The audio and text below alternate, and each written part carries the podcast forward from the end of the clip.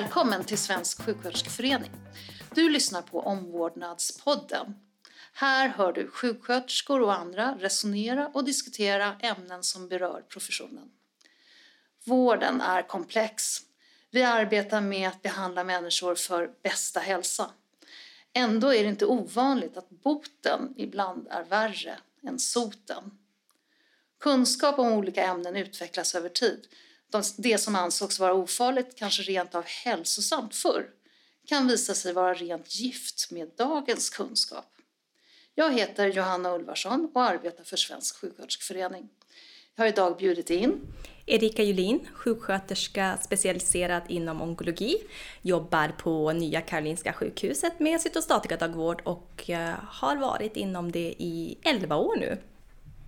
Och Rickard Björselius, eh, jobbar på Livsmedelsverket, har gjort det i 20 år. Och där har jag jobbat som toxikolog, giftexpert och, och även som eh, riskhanterare som tar fram eh, konsumentråd och kostråd. Välkomna! Jag tänkte inleda med att eh, fråga dig då, Rickard, det här med eh, arsenik och ris som det kom ett larm om för några år sedan. Vad hände? Vad, vad vad det för något? Ja, det, det, kan man ju verkligen undra. Var, var kom det ifrån? Och, och eh, när jag tänker tillbaka så var det ju... Det var 2015 som det här kom ut i... Ja, vi intresserade oss för det och, och vi ville ju få ut informationen och det, det, var att vi hade gjort en undersökning egentligen eh, med olika metaller i barnmat. Och då såg vi bland annat att arsenik var ett av de ämnen alltså som eh, fanns i barnmat. Och det är inte så konstigt för arsenik är ju ett ämne som finns i jordskorpan. Så att det, det är ju ingenting som man liksom tillför eh, livsmedel utan det, det, finns ju där det växer växter och så tas det upp. Då. Eh, och då ville vi titta lite på hur mycket arsenik finns det i maten i Sverige. Eh, inte bara barnmat utan då bestämde vi oss för att titta då på ris och risprodukter.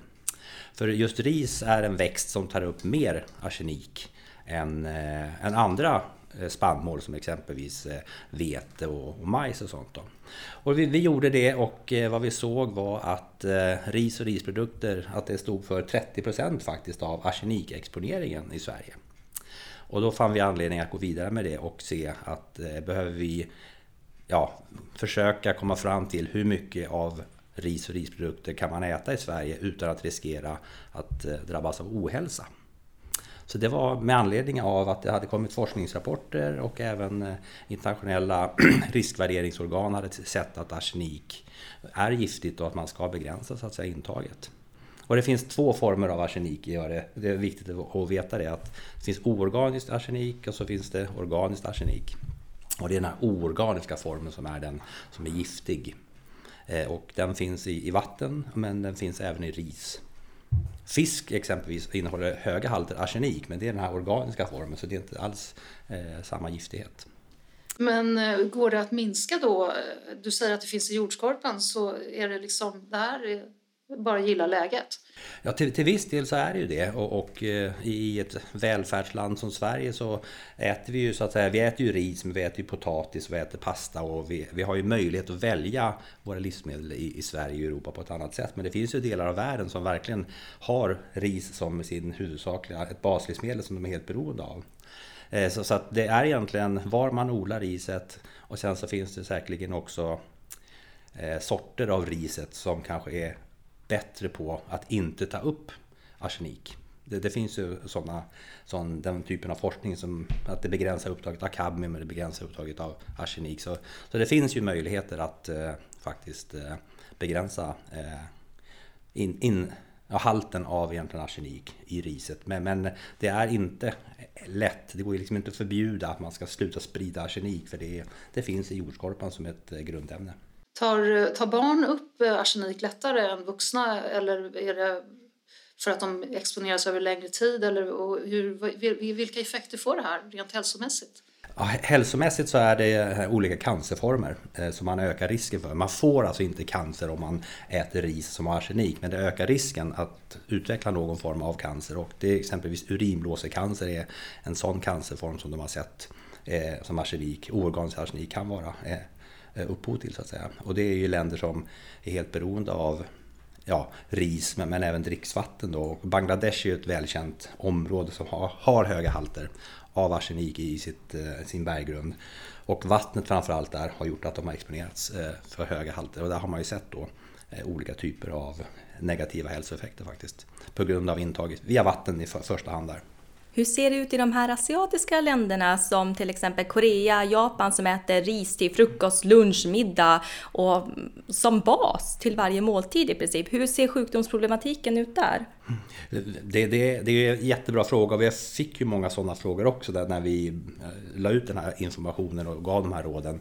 Och, och det är inte någon eh, jättehög incidens, alltså det, det, man ser inte fler cancerfall i de länderna faktiskt, det gör man inte. Och det kan ju också bero på att det finns att de har andra kostmönster i de länderna som gör att det så att säga minskar risken för utvecklande. Så att det, det, det är hela kostmönster ofta som, som eh, är orsaken till att man mår dåligt av något, ett, ett enskilt ämne. Eh, och så finns det andra livsmedel eller mat då, som man äter och det, då kan det förhindra utvecklingen av exempelvis, ja, i det här fallet cancer. För just när det gäller cancer eh, så är det ju väldigt svårt att dra några slutsatser för där har du ju helt andra typer av cancer än vi har här i västerländerna också. Mm. Till exempel lungcancer, levercancer, det är ju väldigt frekvent förekommande i de asiatiska länderna. Mm. Eh, vilket mycket väl kan bero på sådana saker men också en hel del på avgaser, alkohol, konserverad mat. Eh, vilket man har i högre utsträckning i de där länderna också. Så det blir väldigt svårt att dra slutsatser. För en sak jag tänkte på, jag läste den där rapporten för jag var mammaledig Jaha. just då med min äldsta son mm. och eh, läste att eh, yngre barn skulle överhuvudtaget inte äta riskakor. Stämmer. Hur, eh, hur räknade man på doserna där? För amatör som jag är eh, så satt jag ner och tänkte mig hur mycket sånt kan en riskaka äta? Eller ursäkta, eh, en riskaka innehålla och som min nu ett och ett halvt åring kan tänkas få i sig. Hur, hur, hur pass på allvar ska jag ta ett sånt alarm? Mm. Ja, vi, vi gjorde ju undersökningar och då tittade vi på en hel rad olika produkter. Och riskakorna såg att de hade faktiskt högst halt per gram eller kilo färskvikt, alltså det man äter. Eh, och, och, varför vet faktiskt inte. Vi vet ju inte det. Och företagen som framställer dem tror jag inte heller riktigt har koll på det. Men, men riskakorna, det är ju en torkad produkt. Mm. Så det kan ju vara så helt enkelt att, att man när man gör riskakorna och fluffar till dem då, då, då stannar ju arseniken kvar. Medan vattnet är det som försvinner antar jag från riskakorna. Då. Och då blir det ju per automatik en högre halt. Man koncentrerar helt enkelt alla ämnen som är kvar i riskakan. Och vi såg att de, de, de, de, de låg så pass högt att vi tyckte inte... Vi, vi, vi tyckte vi borde ge ett råd om att undvika att käka riskakor. För det är en helt onödig exponering. I och med att riskakan tillför ingen näring heller som ett barn behöver. Mm. Så det är tomma det, kalorier, om ens några kalorier. Ja, luft. Och, och, och, ofta är de lite salta sådär också så att det är inte heller optimalt. Mm. Mm. Men det var en fråga tidigare här vad, om, om barn är känsligare och, och de, de kan mycket väl vara känsla Cancer, och jag är ju inte någon cancerexpert utan det är ju du Erika och ert skrå som, som kan det här med cancerrisker och cancerexpert. Men vad, vad jag vet i alla fall, det utvecklas ju i alla fall under lång tid. Så det är en sak att eh, man, man ska ju inte påbörja att få i sig ämnen som på lång sikt, på livstid då, skulle kunna öka risken för cancer. Och sen så räknar vi ofta på hur mycket får du i dig per kilo kroppsvikt. Och ett barn eh, äter och dricker ju mer per kilo kroppsvikt än vad en vuxen gör för att de växer och de behöver ju mer mat. Och det innebär att då får ju de en, en högre exponering för egentligen alla ämnen. Mm. Så, så det gör ju då att på så sätt är ju barn känsligare. Fast det måste ju också ha med metabolisering att göra så. Man kan tänka att det, det är väldigt uh, nyfödda unga barnet metaboliserar ju uh, i väldigt, väldigt hög grad och är på det sättet skyddad, eleven då tänka, är ju skyddad då eh, mot många gifter. Det påverkar ju eh, vid läkemedelsbehandling. Jag tänkte Erika, det här med kost och cancer, är det någonting som du stöter på i din kliniska vardag? Absolut. Um, en sak som jag tycker har blivit väldigt framträdande är ju frågan om olika dieter vilket kan spela väldigt stor roll vid olika typer av behandlingar. Det finns ju väldigt få saker som man säger att man ska undvika när man tar sån behandling. Olika ämnen kan interagera med olika livsmedel. Till exempel grapefrukt, ett fantastiskt bra exempel, interagerar med väldigt många olika läkemedel och avråds i regel att ta. Alkohol är ett annat eftersom det fördröjer eventuellt eliminationen av vissa ämnen. Eh, vissa dieter kan ansamla en viss mängd av olika ämnen i kroppen som kan tänkas interagera. Och problemet är väl att om mycket av det här vet vi faktiskt ingenting. Därför att att forska på dieter är inte särskilt lukrativt. Så det är ju ingen som egentligen har något större intresse av det, utan det är ju ideellt från forskare på universitet och sådana saker. Vilket tyvärr leder till att det är inga större studier som görs av det hela. Eh, och gör du inte den typen av studier där du kan använda randomisering, du kan använda någon typ av blindhet, placebo för att kontrollera och ställa grupper mot varandra, då blir det förstås väldigt svårt att kontrollera autenticiteten i allting. Eh, så råd och hur ehm, kost kan påverka i behandlingen är väldigt, väldigt svårt att säga oavsett vad det är för någonting. Men generella råd finns ju alltid, som att undvika alkohol, helst minska på grapefrukt då, i mitt fall när jag jobbar med cytostatika. Eh, det finns också vissa tillskott med antioxidanter som kan interagera med de nyare läkemedel, antikroppar, PD1-hämmare, den typen av läkemedel som man ska vara försiktig med. Men annars så ger vi inga råd utan kör på ungefär som Livsmedelsverket säger, måttlighet är bäst. Mm. Mm.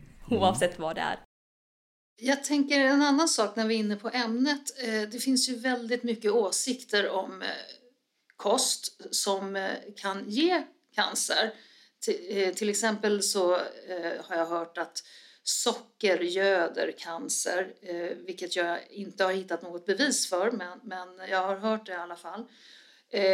Sen tänker jag när, när du har drabbats av cancer, eller om du har drabbats av cancer, då blir det ju då slår det ju om helt och hållet. Då är det ju ofta det omvända problemet att du har väldigt svårt att äta.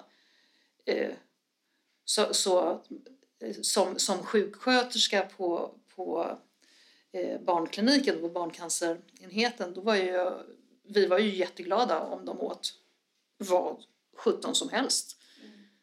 Jo, jag har precis samma åsikt där att eh, oftast blir bara frågan om att få i sig nog mycket mat, nog mycket näring, blir nog mycket av en större fråga. Så att, att komma med pekpinnar om vad du ska äta och att undvika vissa saker, det kan slå så fel tills man ser hur patienten själv mår.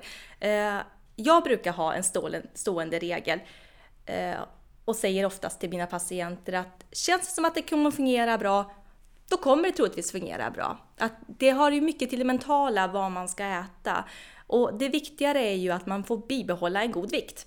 Man ska inte gå ner, man ska inte gå upp, man ska inte hetsa om någonting. Det finns nog många saker att bekymra sig för när du har en cancersjukdom. När du är sjuk i övrigt, du ska inte behöva fundera på om du får slänga i dig ett halvt, ett halvt paket glass om du känner för det, så länge du inte gör det varje kväll. Jag hade en patient som kom som, som har ett sånt fantastiskt exempel när det gäller det här med mat och sug. Eh, det är ju så att vissa behandlingar skapar ett visst sug efter viss typ av mat, ungefär som när man är gravid. Eh, och jag hade en patient som brukade säga till mig att han hade sån sockersug så att han gick upp varje natt och åt 14 kanelbullar. Vilket är ju lite att ta i, men det demonstrerar ganska väl hur, hur ett sug kan arta sig. Eh, och att då är det, de situationer är viktigare att komma med det här med att försök begränsa det kanske en bulle. Men inte, inte sluta, men försök ta det rimligt. Men eh, annars när det gäller eh, kost och cancer så är just det här med socker det som de flesta tar upp att socker göder cancertumör, jag måste undvika allt socker. Men det är ju viktigt att komma ihåg i ett sånt där tillfälle att eh, allt vi sätter i oss är faktiskt socker. Allt bryts ner. Därför att alla dina celler, inte bara cancercellerna, äter ju faktiskt socker. Du kan inte komma undan det. Och eh, så vitt jag har hittat så är de enda belägg för det här med eh, att undvika socker vid cancer har att göra med just om man har en hyperglykemi, alltså ett högt blodsocker kan inverka negativt på vissa tumörgrupper. Men det är förstås någonting man aldrig ska checka av med sin läkare. Ehm, det är ju, ehm, oftast är ju de experter på just det en patient har och är så, länge, så vet jag vet de som sitter inne med de bästa svaren. Så att eh, undret ingenting, fråga och eh, annars försök ha en liten avslappnad attityd till mat. Det är vad jag försöker förmedla till mina patienter. Den här mannen, stod han och bakade kanelbullar då hela dagen? Nej, nej, nej, det var färdigköpta som han hade i frysen. Han tog upp och tinade dem. Åh, vad synd. Ja. Eh, jag tänker, eh, nu bara i veckan så eh, läste vi, eller jag i alla fall, säkert ni också, en artikel om PCB. En forskargäng i Uppsala som då har följt 70-åriga personer, en ganska stor kort, jag tror det var tusen personer och mätt halten av PCB i blodet. Alltså PCB fanns ju till exempel i fogmassa och förbjöds 1970-talet någon gång. Eh, och är ju ett eh, fettlösligt ämne som numera finns då i Östersjön, i fisken, i fet fisk, i eh, kött, mjölkprodukter. Men det visar sig att det här lagras in i kroppen och de personerna i den här kohorten som hade högt värde för tio år sedan då hade 50% högre risk att ha dött Eh, nu när de följde upp dem. Eh, Rickard, har du någon, någonting att säga om det här? Jag tycker det är jätteläskigt. Mm, ja, de här PCB och dioxiner, man brukar ju prata om dem ihop. Där. Det, det stämmer att de, de har ju varit ett problem ja, ända sedan början på 70-talet egentligen. Och och eh, Livsmedelsverket har ju verkligen bevakat eh, nivåerna, halterna av dioxiner och PCB i maten i, i Sverige på, på ett eh, ja, rätt, rätt så noggrant sätt skulle jag säga. Eh, och därför har vi haft de här eh, begränsande kostråden också till framförallt barn och, och, kvinnor till och med barn, barnafödande ålder. Då, att, att man ska inte äta vissa fiskarter. Det är Östersjöfisk, fet Östersjöfisk, Vänern, Vättern. Då. Eh, och det är för att de halterna är så väldigt mycket högre än vad det är i andra livsmedel i Sverige. Så att fisken ligger ju i en egen klass ligger ju en egen, egen klass med avseende på nivåerna av de här eh, ämnena. Exempelvis så om man tar en strömming från Östersjön så ligger den eh, tio gånger högre än vad motsvarande torsk gör. Och tar man halterna av dioxin och PCB i griskött eller nötkött så ligger de hundra gånger under. Så det är väldigt stora skillnader i halter. Eh, men det finns absolut anledning att eh, ha fortsatt koll på dioxiner och PCB. För att de är ju långlivade och eh, Ja, hur långlivade är de? För det är ju 40 år sedan det här förbjöds. Ja, ja. I, I människan så är halveringstiden varierar beroende på vilken. Det finns ungefär 200-300 PCB kongener, ämnen och det finns lika många dioxinämnen så att säga. Som, och det är olika. Eh, men i människa, säg att det är någonstans mellan 7 till 15 år i halveringstiden i människa. Mm. Eh, och då har vi ändå, då är vi varmblodiga, så vi är ju varma så att nedbrytning och metaboliseringen går ju snabbare hos oss då. Men i, i miljön så kan det ju ligga kvar ja, 40, 50, 100 år beroende på i vilken miljö som de finns så att säga. Mm. Och det här ger upphov till framförallt hjärt-kärlsjukdomar eh, har jag förstått. Ja, dioxiner och PCB, deras, eh, de, de har ju en eh, egentligen hormonell påverkan.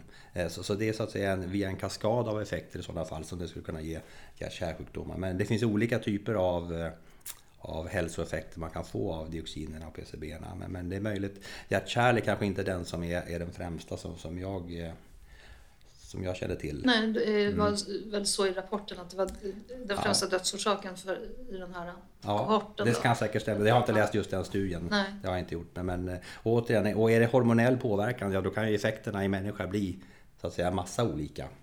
Och sen så överförs det tydligen via amning också. Ja, det gör ju det.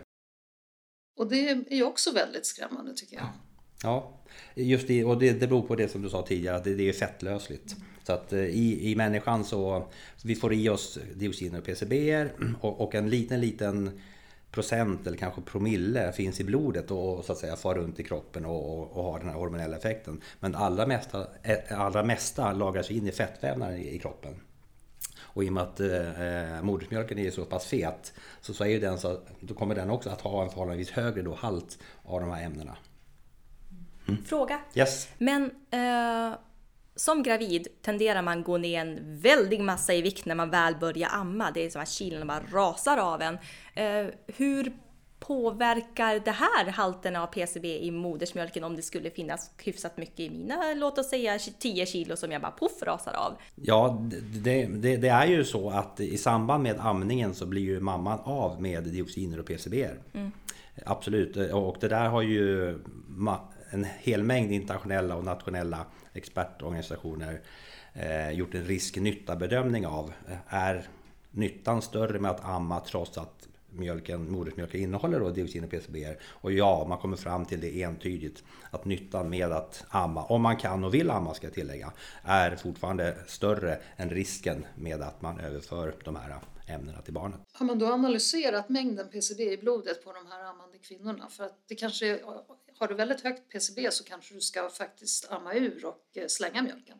Det, det, har inte gjorts vad jag vet och, och eh, det, det, är lite det vi menar att, att eh, amningen är fortfarande så pass positiv för, för barnet. Inte bara hälso, alltså med näringsämnena utan även så att säga kontakten med, med, med mamman och så vidare. Så, så att det, det, nyttan överväger. Erika, jag tänkte när du arbetar så håller du på med mycket cytostatika då till exempel. Eh, vilket ju är rätt hälsovådligt både för dig och för patienter och för anhöriga tänker jag. Hur, eh, hur resonerar du och dina kollegor när ni arbetar med så här giftiga som tur är har ju läkemedelshanteringen i Sverige gått väldigt, väldigt bra framåt till skillnad från väldigt många andra av våra europeiska kollegor eh, som fortfarande blandar sin cytostatika själv till exempel. Där har vi ju ett väldigt problem med exponering och eh, jag kommer ihåg själv när jag jobbade i slutenvården att jag tog emot väldigt många patienter som var sjuksköterskor tidigare inom cancervården som hade jobbat med att blanda cytostatika. Eh, och Ehm, hade de alltså fått? Nej, de hade hanterat. Ja. De hade blandat, de hade dragit upp, de hade sprutat, hanterat helt enkelt avfallet för hand, alla sprutor. Nu för tiden har vi ju slutna system. Så att apoteket blandar flaskorna och så kommer det med en liten svans som det är natriumklorid i och Eh, som vi kopplar ihop. Så det ska som bara, vi ska bara vara i kontakt med natriumkloridet hela tiden. Så för mig är det egentligen ingen större fara så länge jag är noga. Det är om jag slarvar och eh, skulle missa någon liten klämma till exempel, att man skulle få någon dusch med cytostatika. Men det händer ytterst sällan. Jag har själv lyckats göra det en gång, ska jag till min stora skam erkänna. Men eh, det, det, det är i sig ingen, det är en väldigt uh, hanterbar risk så att säga. Ehm, för patienterna, självklart är det ju en risk att få cytostatikan. Det är ju trots allt extremt potenta gifter som vi pumpar in i dem. Men för deras skull är det ju också så att eh, nyttan uppväger eh, riskerna. Och det är ju därför det är så noga till exempel med att bestämma vilken diagnos man har, vilka cytostatika som passar precis i din tumör. För det finns väldigt många olika sorter av cytostatika och en cytostatika som du får, som du inte behöver, den gör faktiskt bara skada. Den gör ingen nytta.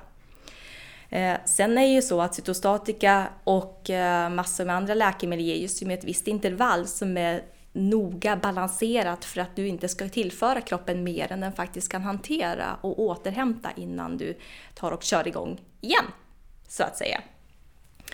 Eh, och eh, det vi ger patienterna för råd när det kommer till att hantera cytostatika avfall, det är samma som vid magsjuka. Stäng locket på toan och spola två gånger. För att bli av med alla så här mikrorester som kan flyga upp. Men eh, cytostatika elimineras i regel någonstans runt 3 till 5 dagar ur kroppen helt och hållet. Så att eh, så länge man håller sig till de restriktionerna så är det ingen större fara. Cytostatika kan ju ge sig till exempel tablettform också. Mm. Eh, då är det ju ganska lätt att man tar tabletterna i handen. En kapsel kanske har spruckit i förpackningen. Det kan hända mycket och jag tänker också hemsjukvård med delegeringar till personal som inte alls har någon kunskap. Eh, har du några reflektioner kring det? Ja, nu kommer jag ihåg när jag jobbade i hemsjukvården att eh, man fick ju faktiskt ingen information om pillerna man hanterar och eh, vissa läkemedel kan ju orsaka problem med till exempel infertilitet om du får dem i handen. Och nej, det var inget som som sa det när man började jobba inom äldresjukvården. Som sjuksköterska kan man ju förstås kolla upp det. Som undersköterska eller vårdbiträde vet du inte ens hur du ska kolla upp det. Eh, men där har det ju också gått framåt. Mycket hanteras ju via Apo-dos, färdiga system där patienterna får små påsar med sin dos förberedd från apoteket, där du lätt kan kontrollera hur många piller det är, vilka, vilka tabletter det är, vilken dos, att det är rätt alltihopa och så bara tippa ut det i koppen så att du slipper den här hanteringen. För det är just när du ska räkna. Delad dosett kan ju vara väldigt, du kommer i kontakt med väldigt mycket tabletter då till exempel. Men eh, annars självklart, det är ju då du har risken där. Bara råka tappa tabletterna på golvet. Oj, det var lite fuktigt där för det var du har haft vatten mm. där och så plockar du upp och så får du det på händerna. Det är klart att det blir en risk i hemmiljön. Men annars är det ju eh, fortfarande en risk på vårdavdelningarna framförallt där du blandar antibiotika utan dragskåp. Mm. För det finns, eh, man kunde tro att det skulle vara, att dragskåp skulle finnas väldigt mycket på sjukhusen men det är faktiskt inte så utbrett som man skulle tro. Jag flyttade in i två nya sjukhusbyggnader under min korta karriär än så länge och ingen av de nya sjukhusbyggnaderna hade dragskåp på avdelningen. Och det tycker jag själv är en mycket större risk för sjuksköterskor nu för tiden, att vi hanterar antibiotika i den mängd vi gör utan egentligen några större skyddskläder och med dragskåp på oss. Men det är ju förhoppningsvis någonting som går till förbättring det också. Det är ju väldigt många engagerade sjuksköterskor där ute som jobbar med de här frågorna. Eh, jag tänkte, du sa ju det här spola två gånger och eh, stäng locket och sen så har vi ju då all antibiotikahantering och man brukar ju säga att eh, all, alla läkemedel som folk äter i eh, Västerås de eh, dricker sen stockholmarna upp i sitt dricksvatten för att det går ut i vattnet och eh, eh, läkemedelsmolekylerna är ju gjorda för att vara så stabila som möjligt så att de bryts ju inte ner i, utan kommer ju in i kretsloppet. Så att bor man i Stockholm så har man lite eh, lite antidepressiva och lite eh, hormonpreparat och en hel del antibiotika i kroppen eh, normalt. Hur, eh, hur ser ni, vem tar den bollen på det här?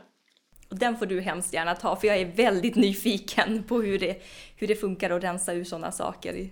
Ja, tyvärr så är ju inte det någonting som Livsmedelsverket har, har den kompetensen och vi, vi håller inte på. Vi är ju medvetna om problematiken naturligtvis att, att eh, det via avloppssystemen eh, kommer ut eh, en hel del läkemedel och läkemedelsrester. Och ett, ett kanske känt exempel är ju det här att eh, alla p-piller som, som vi äter som, och så kissas det ut så att säga. Och det är precis som du säger där, att de, de är ju gjorda för att vara stabila. Till skillnad mot de naturliga så att säga östrogena ämnena som vi har, exempelvis har dem. Och det har man ju sett påverkan på både fiskpopulationer och grodpopulationer. Att de har blivit så feminiserade, de exponeras alltså för de här östrogena ämnena via avloppsvattnet ute i sjöar. Och då har hanarna exempelvis inte velat leka, fortplanta sig och så vidare. Så, så det finns ju definitivt eh, bevis i ekosystemen på att man har en effekt av det.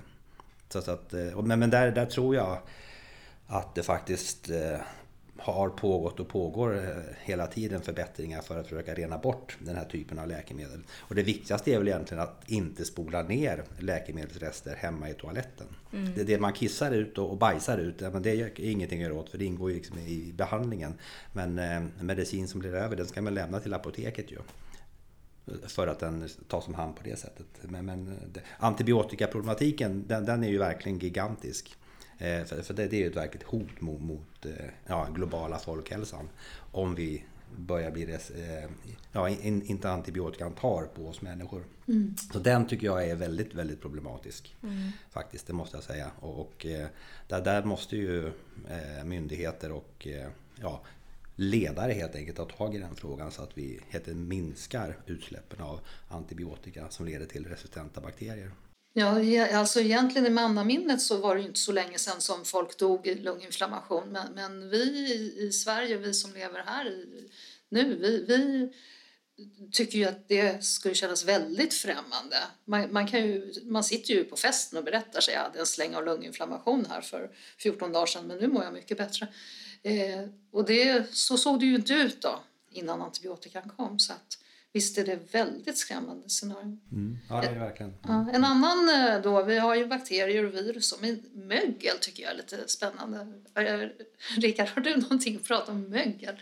Mögel, ja mögel eh, ska man ju undvika. Eh, Dels är det ju inte gott att äta men, men sen så finns det ju också att eh, mögelsvamparna producerar ju ofta to- toxiner också och det är de här gifterna som mögelsvamparna producerar. Det, är- det är de då som, som kan ha allvarliga eh, hälsoeffekter. Då. Eller som kan skapa antipenicillin då. Ja just det, precis. Ja, det finns ju både bra och dåliga. Nej, Exakt, precis. Ehm, Och, och eh, vi, vi har ju en hel del eh, råd och rekommendationer vad gäller eh, mögligt, mögliga livsmedel. Och hur man ska tänka kring det då. eh, Och skära bort med, med marginal och så vidare då. Eh, Och sen finns det, det finns ju andra bakterier. Jag menar också Listerian är en sån bakterie som finns ju överallt i, ja, i samhället egentligen. Eh, och det är vissa livsmedel då som är extra känsliga eh, och, det är framförallt om det hamnar listeriabakterier på eh, fiskprodukter, ah, mat som ska säljas ätfärdig kan man säga och som är lång hållbarhet på för att den är vakuumförpackad i kylvara. Där, där kan då det finnas en eller två eller tio listeriabakterier. Men så under tiden den förvaras så kan de tillväxa. Och, och när antalet listeriabakterier överskrider 100 eller 1000 kanske, då kan det så att säga ge upphov till eh, sjukdom hos eh, framförallt vissa riskgrupper. Så, så att, eh, det är ett exempel på bakterier. Bakterier finns ju i, i överallt så att säga. Och, och mögel, mögliga pistagenötter, mögliga torkad frukt och så vidare. Det är aflatoxiner ofta som, som används. De, de smakar ofta illa. Mögelsmaken gör att man spottar ut dem. Men, men har man otur så kan man få i sig eh, mängder som, som inte är bra. Då. Inget stort problem ska jag väl säga i, i Sverige. Då. Nej. Jag, jag blev nyfiken just på det här med, med i och med att eh, Erika jobbar inom cancersjukvården också. Har, ni eh, råd till era patienter under behandling av cytostatika? Eh, att, vad de ska undvika för livsmedel? Åh, nej, nej. Eh, bara grapefrukt egentligen. Bara grapefrukt. Och eh, eh, grapefrukt, vissa kosttillskott innehållande antioxidanter. I övrigt frågar ni läkare. Men, eh, och alkohol. Ja. Ett visst antal dagar före efter kur eller beroende på vilken övrig behandling man har. Men annars så inte. För att eh, som Johanna så tog upp tidigare så det största problemet är att folk inte äter. Man tappar aptiten, man tappar sugen på vissa saker och då är det ett större problem och då får man ta saker när de kommer. Men eh, jag har faktiskt aldrig stött på frågan hos patienter för de är så känsliga för lukt och smak. Så om någonting börjar bli dåligt så undviker de det helt och hållet istället. Mm. Därför anledningen till att jag frågar, och jag håller verkligen med, det viktigaste är att de sjuka äter och att äldre äter, inte vad de äter utan att de äter. Jag håller verkligen med om det. Men, men när vi gjorde en genomgång eh, ja, förra året just, eh, vi har gått igenom en massa vetenskapliga underlag och uppdaterat och sett att våra kostråd håller så att säga vetenskapligt. Och bland annat listeria tittar vi på då. Och då såg vi då att det är ju vissa grupper som är mer känsliga för att få en sån här listeriainfektion. Får- jag den som frisk man eller du som frisk kvinna så då är det inga problem. Vi märker inte ens, av, vi blir inte sjuka. Men just gravida är en grupp då som eh, skulle kunna så att säga få en negativ hälsoeffekt att deras foster kan, kan bli skadat. Men vad vi såg som var allra känsligaste gruppen var just personer med nedsatt immunförsvar. Så, så att, eh, och, och det var väldigt tydligt faktiskt. Eh, Så att det, var, det var därför jag frågade. Jag undrar om, om, om ni har den typen av, av information till patienterna när de går hem under en, en behandling att kanske undvika då de här risklivsmedlen. Nej, jag har tyvärr aldrig varit, eh, aldrig hört om något sånt. Ehm, intressant fråga Ja, dock. Men ehm, vilka livsmedel i, i sig skulle det ungefär ha? Du sa ost tidigare, eller tror jag? Ja, var det det- bara jag som tänkte på när du sa att man skulle skära bort med, med Ja, marginal. det är synligt mögel. Utan de risk, eh, som, som, vi menar då kan få en tillväxt av, av listeria. Det är ätfärdig mat som man kan förvara länge. Och eh, då förvarar man ofta i kylen och, och eh, ofta är den vackpackad. Typ korv eller? Skivat köttpålägg och fisk. Och, och sen även, även viss annan färdigmat. Men framförallt är det då vackpackad fisk som man kan förvara länge. Men sen- vänta nu, listerian växer till trots att det, den Ja. är... Aha, För, wow. för de, de, de är speciella, de, de växer till. Ju kallare det är, ju långsammare växer de. Så det är viktigt att man håller temperaturen då. Men, men de klarar sig också helt utan syre. Det är det som är lite speciellt med dem. De är så kallade anaeroba, så de Luriga lever och solar. Ja, det är, det är det som är lurigt. Så det är fisk, ätfärdig fisk och ätfärdig skivat köttpålägg som man kan förvara längre. Det, det, det är alltså risklivsmedel för tillväxt av listeria. Det ger mig en helt annan bild på leverpastejen jag har i kylen. Ja. ja, just ja. Nej men det är spännande. Ehm, just den typen av livsmedel brukar ofta smaka ganska starkt. Ehm, de brukar patienterna undvika. De vill mer ha ganska färsk mat, lättsmält mat. När det kommer till smak så brukar man gilla en av tre saker när man får den här typen av behandlingar. Det som smakar sött, det som smakar salt eller det som inte smakar någonting alls. Mm. Till exempel ägg. Mm. Um, så att, um, ja. Nej men det, det, är en, det är en väldigt spännande tanke. Erika, hälsorisker framöver om du spanar in i framtiden? Vad ser du? Trenden har gått inom cancerbehandling att eh, vi klarar av att få behandling allt längre upp i åldern med allt fler sjukdomar eh, samtidigt existerande med allt fler läkemedel. Vi kombinerar mer. När vi kombinerar mer så får vi fler biverkningar. Dessa måste hanteras. Det leder till mer konsumering av annan läkemedel, bland annat antibiotika. Eh, en risk som jag ser för mig är att eh, på det här sättet så kommer ju fler gifter ansamlas i kroppen och kanske frammana hälsoproblem som vi inte har tänkt på mm. än så länge. Det tycker jag är en ganska kännbar risk. Jo, men det är helt sant. För när man också gör riskanalys för nya produkter, sen, jag tror det var 2006 som man införde, i, eh, i alla fall i EU, att man inte får eh, använda lösningsmedel och produkter och, och, nya saker utan att man har testat dem för alla då. Eh, men det är ju alla kända eh, gifter och risker.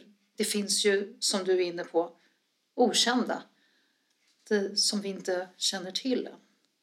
Samma fråga till dig, Rickard. Mm. Det största hotet som jag ser det, det är väl kanske att vi äter eh, helt enkelt eh, på ett felaktigt sätt. För, mycket av de här sjukdomarna som ju faktiskt behandlas av otroligt professionell och bra personal i, Sverige och hälso och sjukvården. Många av dem skulle vi kanske kunna förhindra genom bättre kostvanor. Det, det, det, är ju det är otroligt. Alltså, matvanorna är den näst högsta orsaken till ohälsa i Sverige. Det enda som slår fel matvanor i Sverige är tobak idag. Och, det var 2017 som det här Global eh, WHO gör sådana här sammanställningar och visar sig. För, för 2015 så var det faktiskt matvanorna som låg i topp och nu har tobaken gått om i Sverige. Då. Så, så att eh, jag skulle säga att, eh, och, och det intressanta är inte vad vi riskerar att få i oss för mycket av och därmed bli sjuka av. Utan egentligen så handlar det om att vi får i oss för lite av frukt och grönt. Så frukt och grönsaker är den enskilt största faktorn i Sverige som skulle kunna förbättra folkhälsan. Och faktiskt eh, just idag när vi spelar in det här så, så publiceras faktiskt på vår hemsida då, ett pressmeddelande Eh, som visar en, det är samarbete mellan Livsmedelsverket och Lunds universitet. Där har de sett att eh, 6400 dödsfall i Sverige skulle kunna förhindras om vi äter enligt rekommendationen 500 gram frukt och grönt i veckan. Så frukt och grönt.